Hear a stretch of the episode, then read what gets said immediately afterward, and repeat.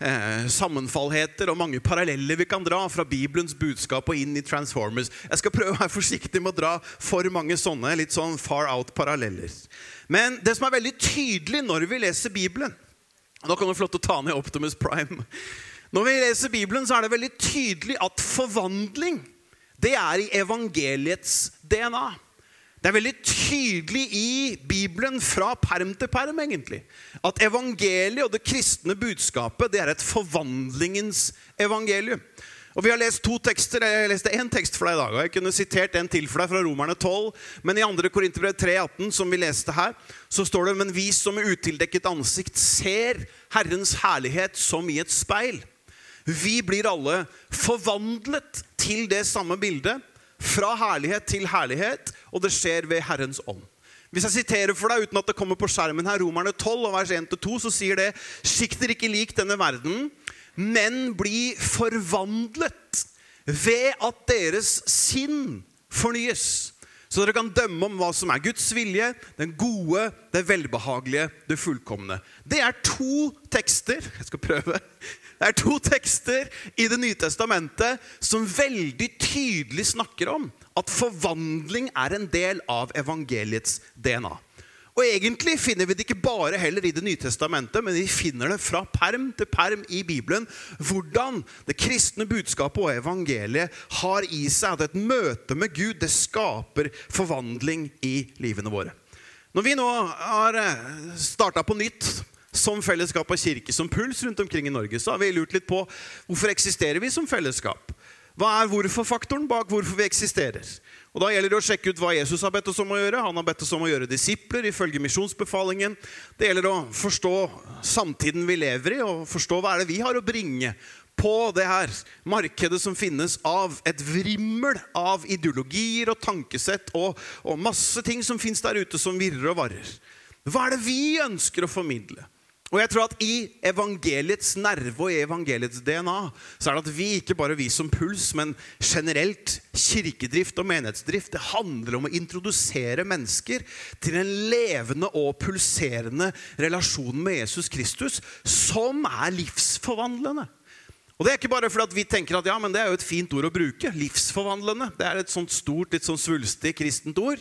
Vel, Nettopp fordi vi leser om det fra perm til perm i Bibelen, så mener vi og tenker at det her er så sentralt i evangeliet at evangeliet forvandler oss fra innsiden og ut.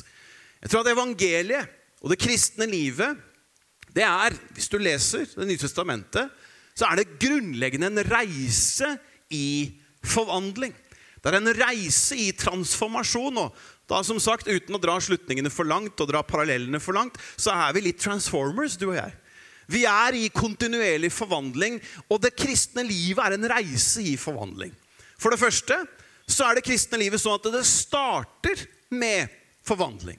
Det er øyeblikkets forvandling som finner sted når vi tar imot Jesus og gjør han til vår personlige herre og frelser. Hvis vi leser Skriften og leser Det nye testamentet, så er det veldig tydelig at det som er evangeliets nerve, det er mer enn bare at Gud sprinkler litt tilgivelse på samme gamle oss. Mens 2. Korinterbrev 5 og vers 17 kan du også få på skjermen her nå. Så får vi tekstene tydelig og klart fram. 2. Korinterbrev 5 og vers 17 sier derfor om noen er i Kristus, er han eller henne en ny skapning. Det gamle er blitt borte. Se, alt er blitt nytt. Eller det gamle er forbi. Se, alt er blitt nytt. Vi kan se her at i evangeliets nerve det grunnleggende budskapet i evangeliet når vi tar imot Jesus, så er det en forvandling som finner sted. Altså som sagt, Gud sprinkler ikke bare litt tilgivelse, selv om tilgivelsen er fantastisk. skal komme mer tilbake til det, Men det er mer enn det. Gud sprinkler ikke bare litt tilgivelse på samme gamle oss, men det er en forvandling som finner sted i et menneskehjerte når man tar imot Jesus Kristus. Og den forvandlingen den skjer ifølge denne teksten i Kristus. Og Jeg er litt sånn, jeg er en enkel type, så når jeg leser Bibelen, så prøver jeg å stille meg selv gode spørsmål langs veien. Og Hvis jeg vil bli en ny skapning, så ser det ut som det er ett sted at liksom, the magic happens. Og det er i Kristus. Derfor, om noen er i Kristus, er han en ny skapning. Det gamle er blitt borte, se alt er blitt nytt. Så da blir jo det neste spørsmålet hvordan kan jeg komme meg inn i Kristus? Fordi det er der jeg blir en ny skapning. Altså at jeg får en forvandling som finner sted i mitt indre. Jeg vet ikke med deg, men Når vi tar imot Jesus, så forstår vi jo såpass at eh, å bli en ny skapning, det betyr jo ikke at nesa blir ny, eller at jeg får ny hårsveis, eller at jeg, hvis jeg likte matematikk før, så liker jeg plutselig samfunnsfag nå. eller kan godt hende man liker begge tingene da, Men eh, hvis du var veldig glad i matematikk før du tok imot Jesus, så var det ikke sånn at når du tok imot Jesus, så plutselig så skjedde det en total forvandling, og da kunne du ingenting matematikk etterpå. Det er jo ikke kroppen vår og sjela vår først og fremst som blir nye. Mens evangeliets budskap er allikevel at derfor om noen er i Kristus, er han eller henne en ny skapning? Vel, det må være dypere at denne forvandlingen finner sted. At det øyeblikkets mirakel som Jesus snakker med Nikodemus om i Johannes 3 Midt på, nattus, midt, på, midt, på nattus, midt på natta så kommer Nikodemus til Jesus og spør hvordan han kan få tak på Guds rike.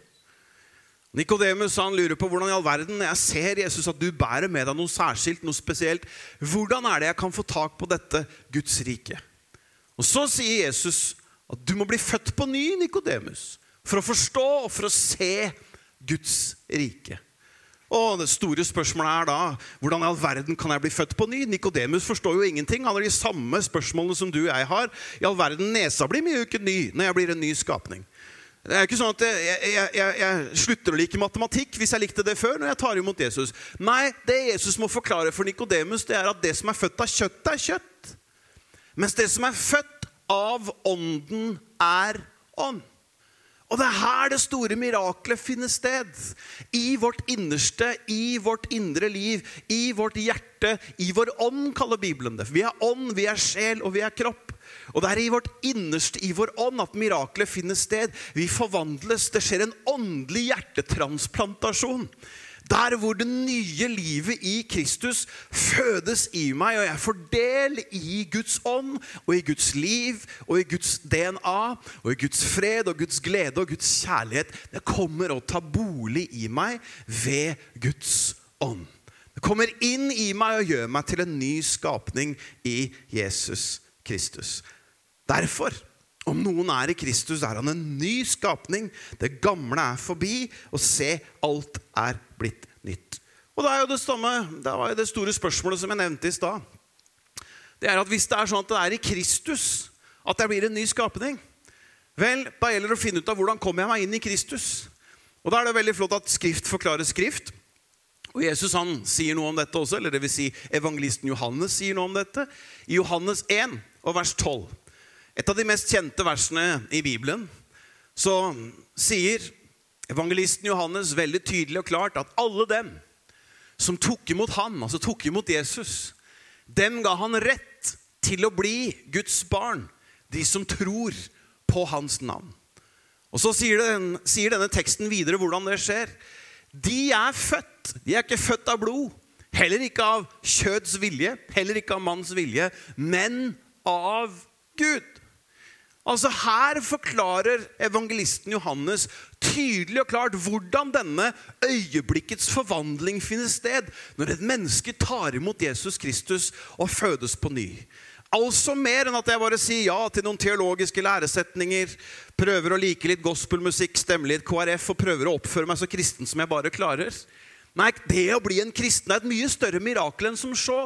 Det er at jeg blir født på nytt ved Guds ånd når jeg tar imot Jesus Kristus. Det er sånn jeg kommer inn i Kristus. Derfor, om noen er i Kristus, er han en ny skapning. Og her forklares veien inn i Kristus.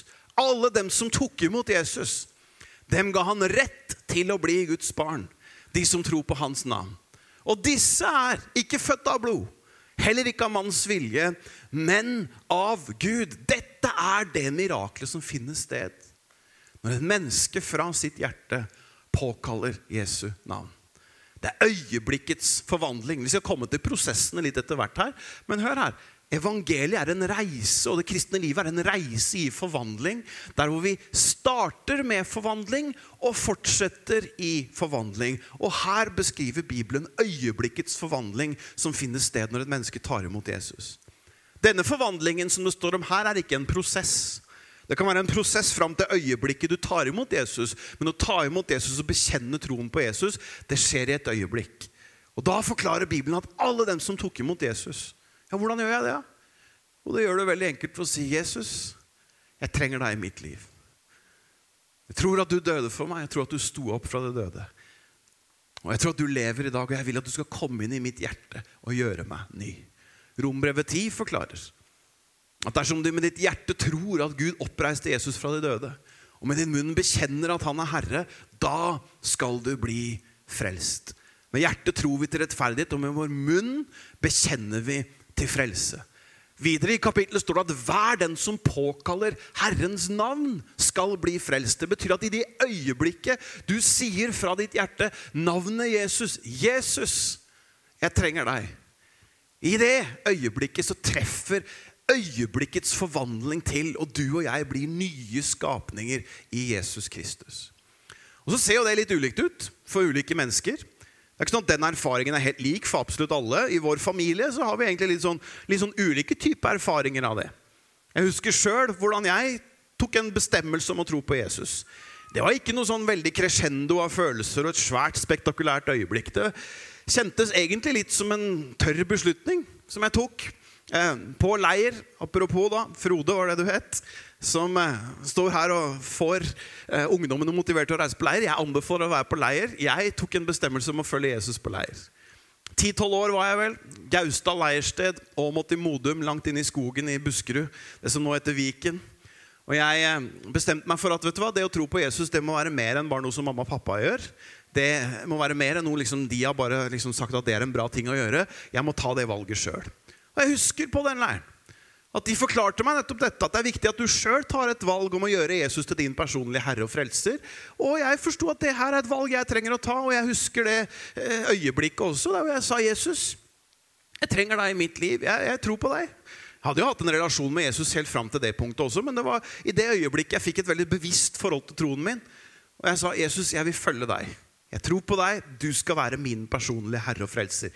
Egentlig så kjentes ikke det ut som et spektakulært pånyttfølelsesøyeblikk der hvor alle følelsene sto i kok.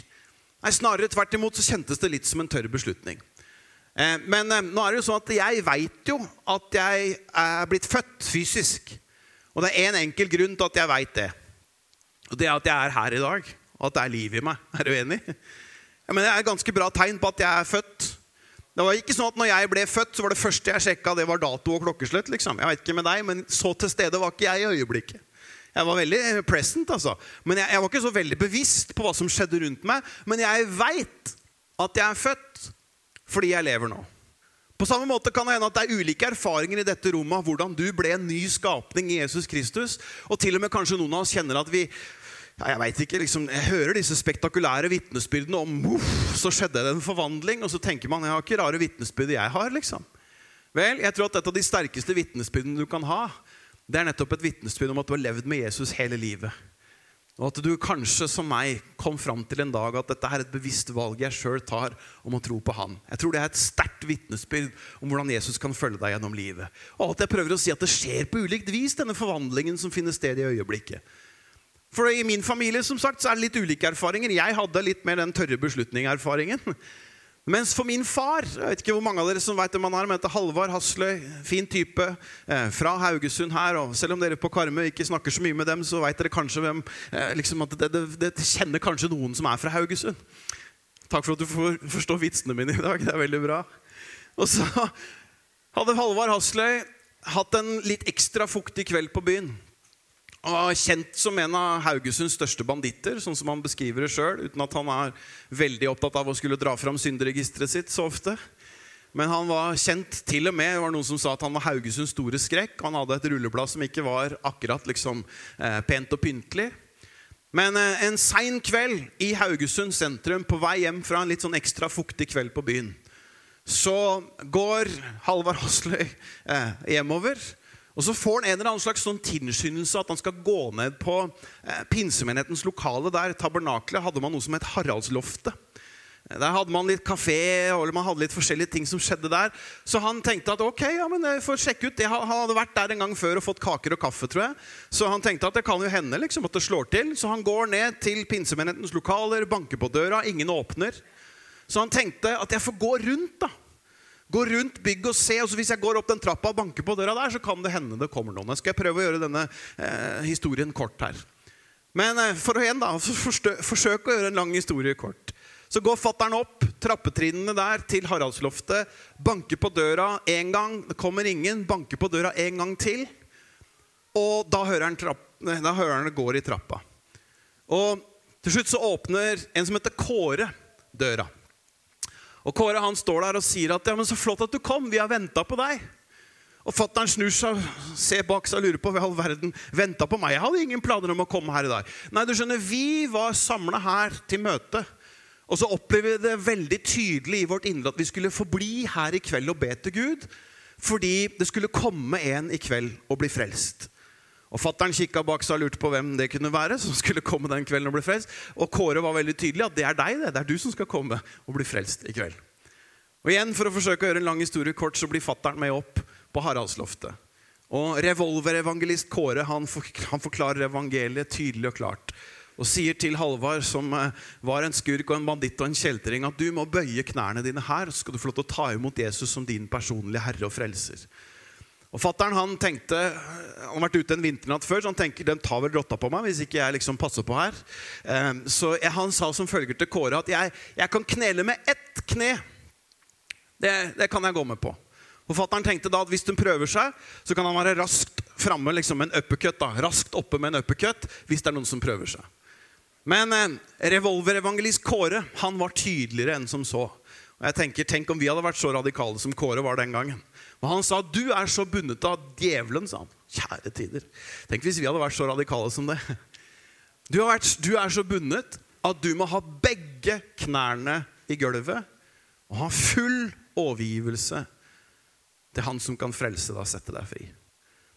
Fattern han eh, gjorde som Kåre sa bøyde begge knærne på Haraldsloftet i Haugesund og sa enkle ord fra sitt hjerte. Ba verdens enkleste bønn. Vi snakker om øyeblikkets forvandling her, folkens. Pappa han eh, kneler ned, og så sier han verdens enkleste Han sier, 'Jesus, hvis du er den som de her folka sier at du er, så må du komme inn i mitt hjerte, og så må du gjøre meg ny.'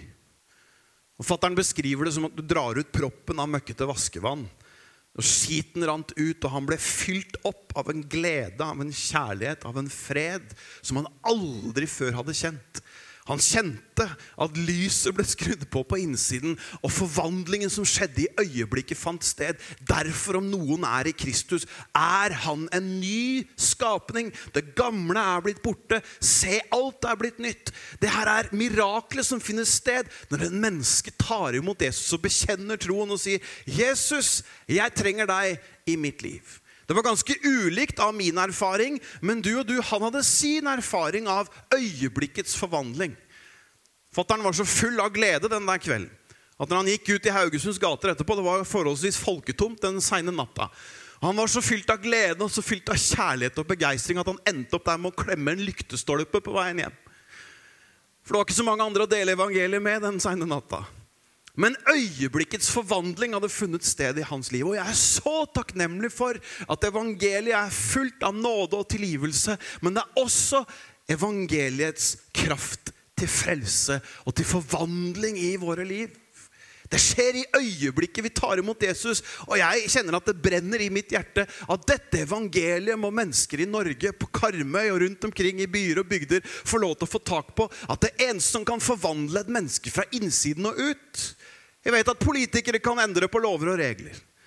Businesskvinner og menn kan lage arbeidsplasser. Fantastisk. Men det finnes kun ett budskap som forvandler et menneske fra innsiden og ut, og det er evangeliet om Jesus Kristus. Som gjør en åndelig hjertetransplantasjon der hvor det gamle ble borte. Men se, alt har blitt nytt. Guds DNA, Guds ånd, flytter inn i oss. Og så starter reisen vår som Transformers. Der hvor vi forvandles sakte, men sikkert til å ligne mer og mer på Jesus. Så Nå skal jeg prøve å ikke preke så lenge, så jeg skal gli kjapt igjennom teksten som jeg åpna med i dag. i de få siste minuttene som vi har her. For nå har jeg pekt på øyeblikkets forvandling. Det er det evangeliet har i sin nerve. Og det er startpunktet på en prosess av forvandling. Som kommer til å forbli da pågående helt til Jesus enten en dag kommer og henter oss, eller vi reiser hjem til han. Og Det er det som kalles for på teologisk for helliggjørelsesprosessen. Det er at Kristus vinner skikkelse i oss. Og jeg kjenner for min egen del, jeg vet ikke med deg, men jeg kjenner for min egen del, den forvandlingen som evangeliet beskriver, den kjenner jeg at jeg trenger. Og jeg kjenner at jeg lengter etter mer av den, og jeg vil gjerne leve i den hver eneste dag. Sånn at Jesus kan få lov til å synes gjennom mitt liv. Ikke en forvandlingsprosess der vi blir høye på oss sjøl og ser hva jeg har fått til. Jeg har vært så disiplinert, jeg har vært så religiøs, jeg har vært så flink og så from og så flott. Så se hvor flink kristen jeg er. Nei, overhodet ikke. Denne typen forvandling henger ikke på deg og meg, henger bare på Jesus Kristus. Vi får lov til å la han vinne skikkelse i oss. Og hør da, hva 2. Korinter 3,18 sier. Nå kan du ta det tilbake på skjermen, egentlig, det vi begynte med. Så skal vi bare helt her de siste få minuttene spasere gjennom teksten. For her forklarer Bibelen hvordan forvandling finner sted. Og jeg, jeg er interessert. Håper du er det også. Motivert for Hvordan er det egentlig forvandling kan skje i mitt liv? Og Det som Paulus veldig tydelig starter teksten med å si, det er at vi som med utildekket ansikt ser Herrens herlighet som et speil. Vi blir alle forvandlet til det samme bildet, fra herlighet og til herlighet, som av Herrens ånd. La oss bare spasere kjapt gjennom teksten. Det første Paulus konstaterer, det er at vi ser Herrens herlighet med utildekket ansikt. Nå har ikke jeg tid til å spasere hele svingen i denne teksten, men det handler egentlig om forskjellen på den gamle og den nye pakt.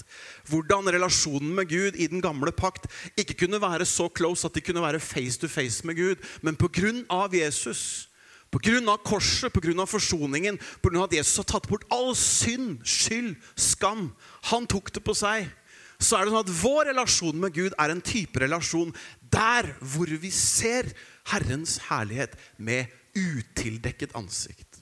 Det er ingenting som skiller deg og meg fra fellesskapet med himmelens og jordens skaper. Det som var av skille mellom oss, det som skilte deg og meg fra relasjonen med Gud, vår synd, vår skyld og vår skam, det tok Jesus på seg på korset for 2000 år siden, på Golgata kors. Han tok all synd, all skyld, all skam på seg, så vi med utildekket ansikt kan se Herrens herlighet som i et speil. Og Paulus han gjør det så tydelig, for det er der all forvandling finner sted. eller det er der all forvandling starter. Det starter med at han får grunnfestet oss i vår posisjon i Jesus Kristus. Vår urokkelige posisjon som tilgitt, rettferdige, rene, hellige, ulastelige, ustraffelige for Guds åsyn. Vi ser Herrens herlighet med utildekket ansikt. Og Det er så viktig å si når vi snakker om forvandling, for ellers kommer du og jeg til å prøve å forvandle oss sjøl. Liksom. Og tenker at hvis vi bare blir liksom, nok forvandla, så kan det hende at Gud blir fornøyd en dag. Men du skjønner, Kristen forvandling og evangelisk forvandling det er ikke en slags forvandling der hvor jeg skal gjøre Gud tilfreds og fornøyd. Det er snarere tvert imot en forvandling som finner sted når jeg forstår at Gud allerede er fornøyd. Det er en forvandling der hvor jeg ikke strever for tilgivelse, men jeg lever fra tilgivelse. Det jeg lever med basis og grunnlag i Jesu fullbrakte frelsesverk på korset. Jeg jobber ikke for seier, men jeg lever fra seier. Jeg jobber ikke for at Gud skal bli tilfreds, men jeg lever ut ifra kraften av at pga. korset, pga. forsoningen, pga. det Jesus gjorde, så er Gud allerede tilfreds. Og jeg kan hvile med hele min tyngde i at jeg ser Herrens herlighet med utildekket ansikt. Jeg ser inn i et ansikt som smiler, fullt av nåde, fullt av godhet fullt av kjærlighet. Og Det handler ikke om hva jeg har prestert og gjort, men det handler om hva Jesus har gjort for meg. Og der starter forvandlingen. Og så sier Bibelen videre at vi som utildekket ansikt ser Herrens herlighet som et speil. Det er vi som blir forvandla.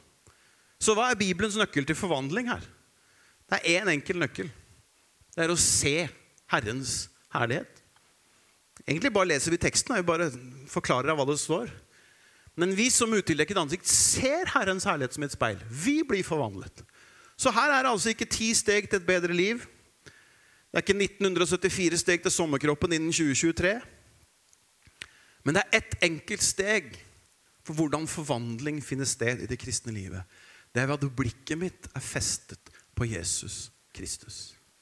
For når blikket mitt er på meg, på min evne til å forvandle meg sjøl, hva jeg kan få til, hva jeg kan prestere, hva jeg kan liksom rikke meg sjøl ut av, hva jeg kan prestere, hva jeg kan få til, mine feil, mine mangler, mine nederlag Vet du hva, Da er det ikke mye forvandling som finner sted. altså. Mens når jeg løfter blikket mitt og ser på Jesus, så forvandles jeg til det samme bildet. Og Da er jo det store spørsmålet hvordan er jeg ser på Jesus. Det er også et veldig godt spørsmål. Men det finnes noen måter. Jeg har ikke tid til å ta alle rundene med deg nå. Men jeg mener, ordet hans, for eksempel, han er ordet personifisert. Så når noen enten preker ordet til deg, eller du leser Guds ord sjøl, da hjelper det blikket ditt på Jesus Kristus. Han er hodet for legemet, fylt av Han som fyller alt i alle. Så det betyr at når vi er sammen som Hans kropp, som Hans kirke, så hjelper det blikket ditt på Jesus. Ja, du kan se på Jesus alene og få øye på han alene, men vi er skapt til fellesskap. Og en av grunnene til at vi er her på gudstjeneste på Klippen i dag, det er for å hjelpe blikket vårt opp på Jesus Kristus. Jeg tror at Hvis du spør Kenneth og resten av lederskapet her, hvorfor gjør vi gudstjenester, jo, en av hovedhensiktene, kanskje den første og fremste, er at vi skal få lov til å løfte blikket vårt fra hverdagen vår, fra utfordringene våre, fra alt det som holder oss fast, og få blikket festa på Jesus Kristus. Det er derfor vi synger lovsang. Det er mer enn bare sang og musikk i starten av en gudstjeneste for å dra opp stemninga. Nei, det er for å hjelpe blikket mitt på Jesus. Og jeg koste meg her. Jeg tenkte to låter var altfor lite. tenkte jeg. For når jeg hadde sunget A Thousand Hallelujah, så kjente jeg Å, Jesus. Nå får jeg blikket mitt på deg. Nå begynner jeg å se deg. Jeg kan ikke alltid sette fingeren på hvordan og når det skjer, men det er bare et eller annet når blikket går fra å være på meg til å være på Han så begynner jeg å forvandles. Det er jo ikke sånn at jeg ja, så flink jeg er som forvandles. Nei, nei, nei, Det har ene og alene med det enkle faktum at Andreas Hasler som har et liv som går opp og ned og fram og tilbake. Og noen hverdager er gode, andre er ganske røffe. og Noen ganger så føler jeg jeg får til ting, mens andre ganger så, så føler jeg at jeg mislykkes totalt. Og når jeg får lov til å komme sammen med andre brødre og søstre og løfte blikket mitt på Jesus, så merker jeg ikke fordi jeg er flink til kristen forvandling, men fordi jeg får blikket mitt på Jesus. Så forvandles jeg. Sakte, men sikkert. Hvis jeg er litt ærlig med dere Jeg har ikke i meg så veldig mye hellighet, altså. Kanskje, jeg, vet, jeg ser vel ikke så hellig ut heller. Det er mange av dere som ser mye mer hellig ut enn meg. det kan jeg love dere. Renhet heller, det ligger ikke så veldig for meg. Ydmykhet òg. Jeg mener, jeg har en tendens til at når jeg føler at jeg er ydmyk, så blir jeg litt stolt over at jeg er såpass ydmyk. Jeg vet ikke med dere, men det er litt sånn det funker. Så det ligger liksom ikke naturlig for meg. Men det som er evangeliets mirakel, og det som er forvandlingens mirakel, det er at når jeg får blikket mitt på Jesus, så begynner den, det DNA-et han har, og den kraften han har, og den autoriteten han har, og hans renhet, og hans rettferdighet, og hans godhet, og hans nåde, og hans ydmykhet og hans tålmodighet, begynner å gi avglans hos meg. Og så sier Bibelen her, jeg hoppa over det, men det står vi ser Herrens herlighet som i et speil. Vet du hvorfor det står det? Det er fordi at den herligheten den er ikke bare der ute. Vi ser ikke bare Jesus der ute. Oi, oi, oi, så flott han er. Oi, oi, oi, For en autoritet, for en majestet. Hvor fantastisk er ikke han? Vi ser det ikke bare her ute når vi leser om han i Skriften og vi tenker oi, oi, oi, Jesus, du er fantastisk. Men evangeliets mirakel er nettopp det vi har snakka om litt før her. At derfor om noen her i Kristus er han en ny skapning. Det nye livet blir født på innsiden av oss. Og så er det sånn at derfor så ser vi Herrens herlighet som i et speil. Den samme herligheten som er der ute. Den er flytta inn her inne. Og når jeg får blikket mitt vekk fra meg sjøl og opp på Jesus, så forklarer Bibelen at da forvandles jeg til det samme bildet. Fordi jeg er flink til å forvandle meg, fordi jeg er så disiplinert? Nei, nei, nei. Men fordi blikket mitt er på Jesus. Det syns på meg etter hvert. Han der er mye med Jesus. Sier ikke at det nødvendigvis er hvitt vitnesbyrd, altså, men du har møtt noen sånne i ditt liv. Kanskje ikke de som roper høyest og er mest spektakulære i bekjennelsen. Men de når du bare er med dem, så merker du oi, oi, oi. Denne personen ligner på Jesus. Den samme DNA-et, ydmykheten, nåden, det skinner igjennom i livet. Heller ikke fordi de har vært så flinke, men fordi de har speila seg. De har sola seg mye.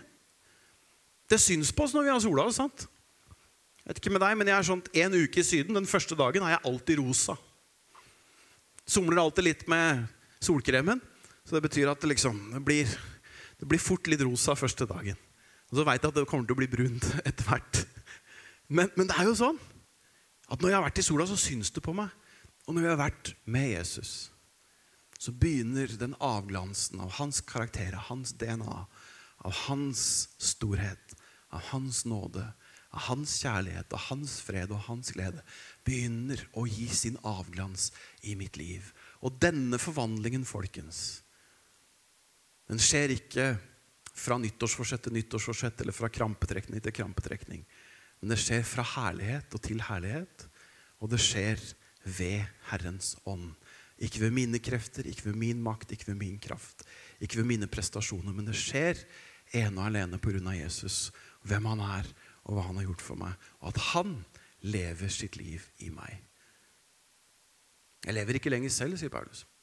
Men hele hemmeligheten til det her kristne livet det er at Kristus lever i meg. Og det livet jeg nå lever her i kjøtt og blod, det lever jeg i troen på Guds sønn, han som elsket meg og ga seg selv for meg. Jeg takker deg, Far i himmelen, for at du er her midt iblant oss.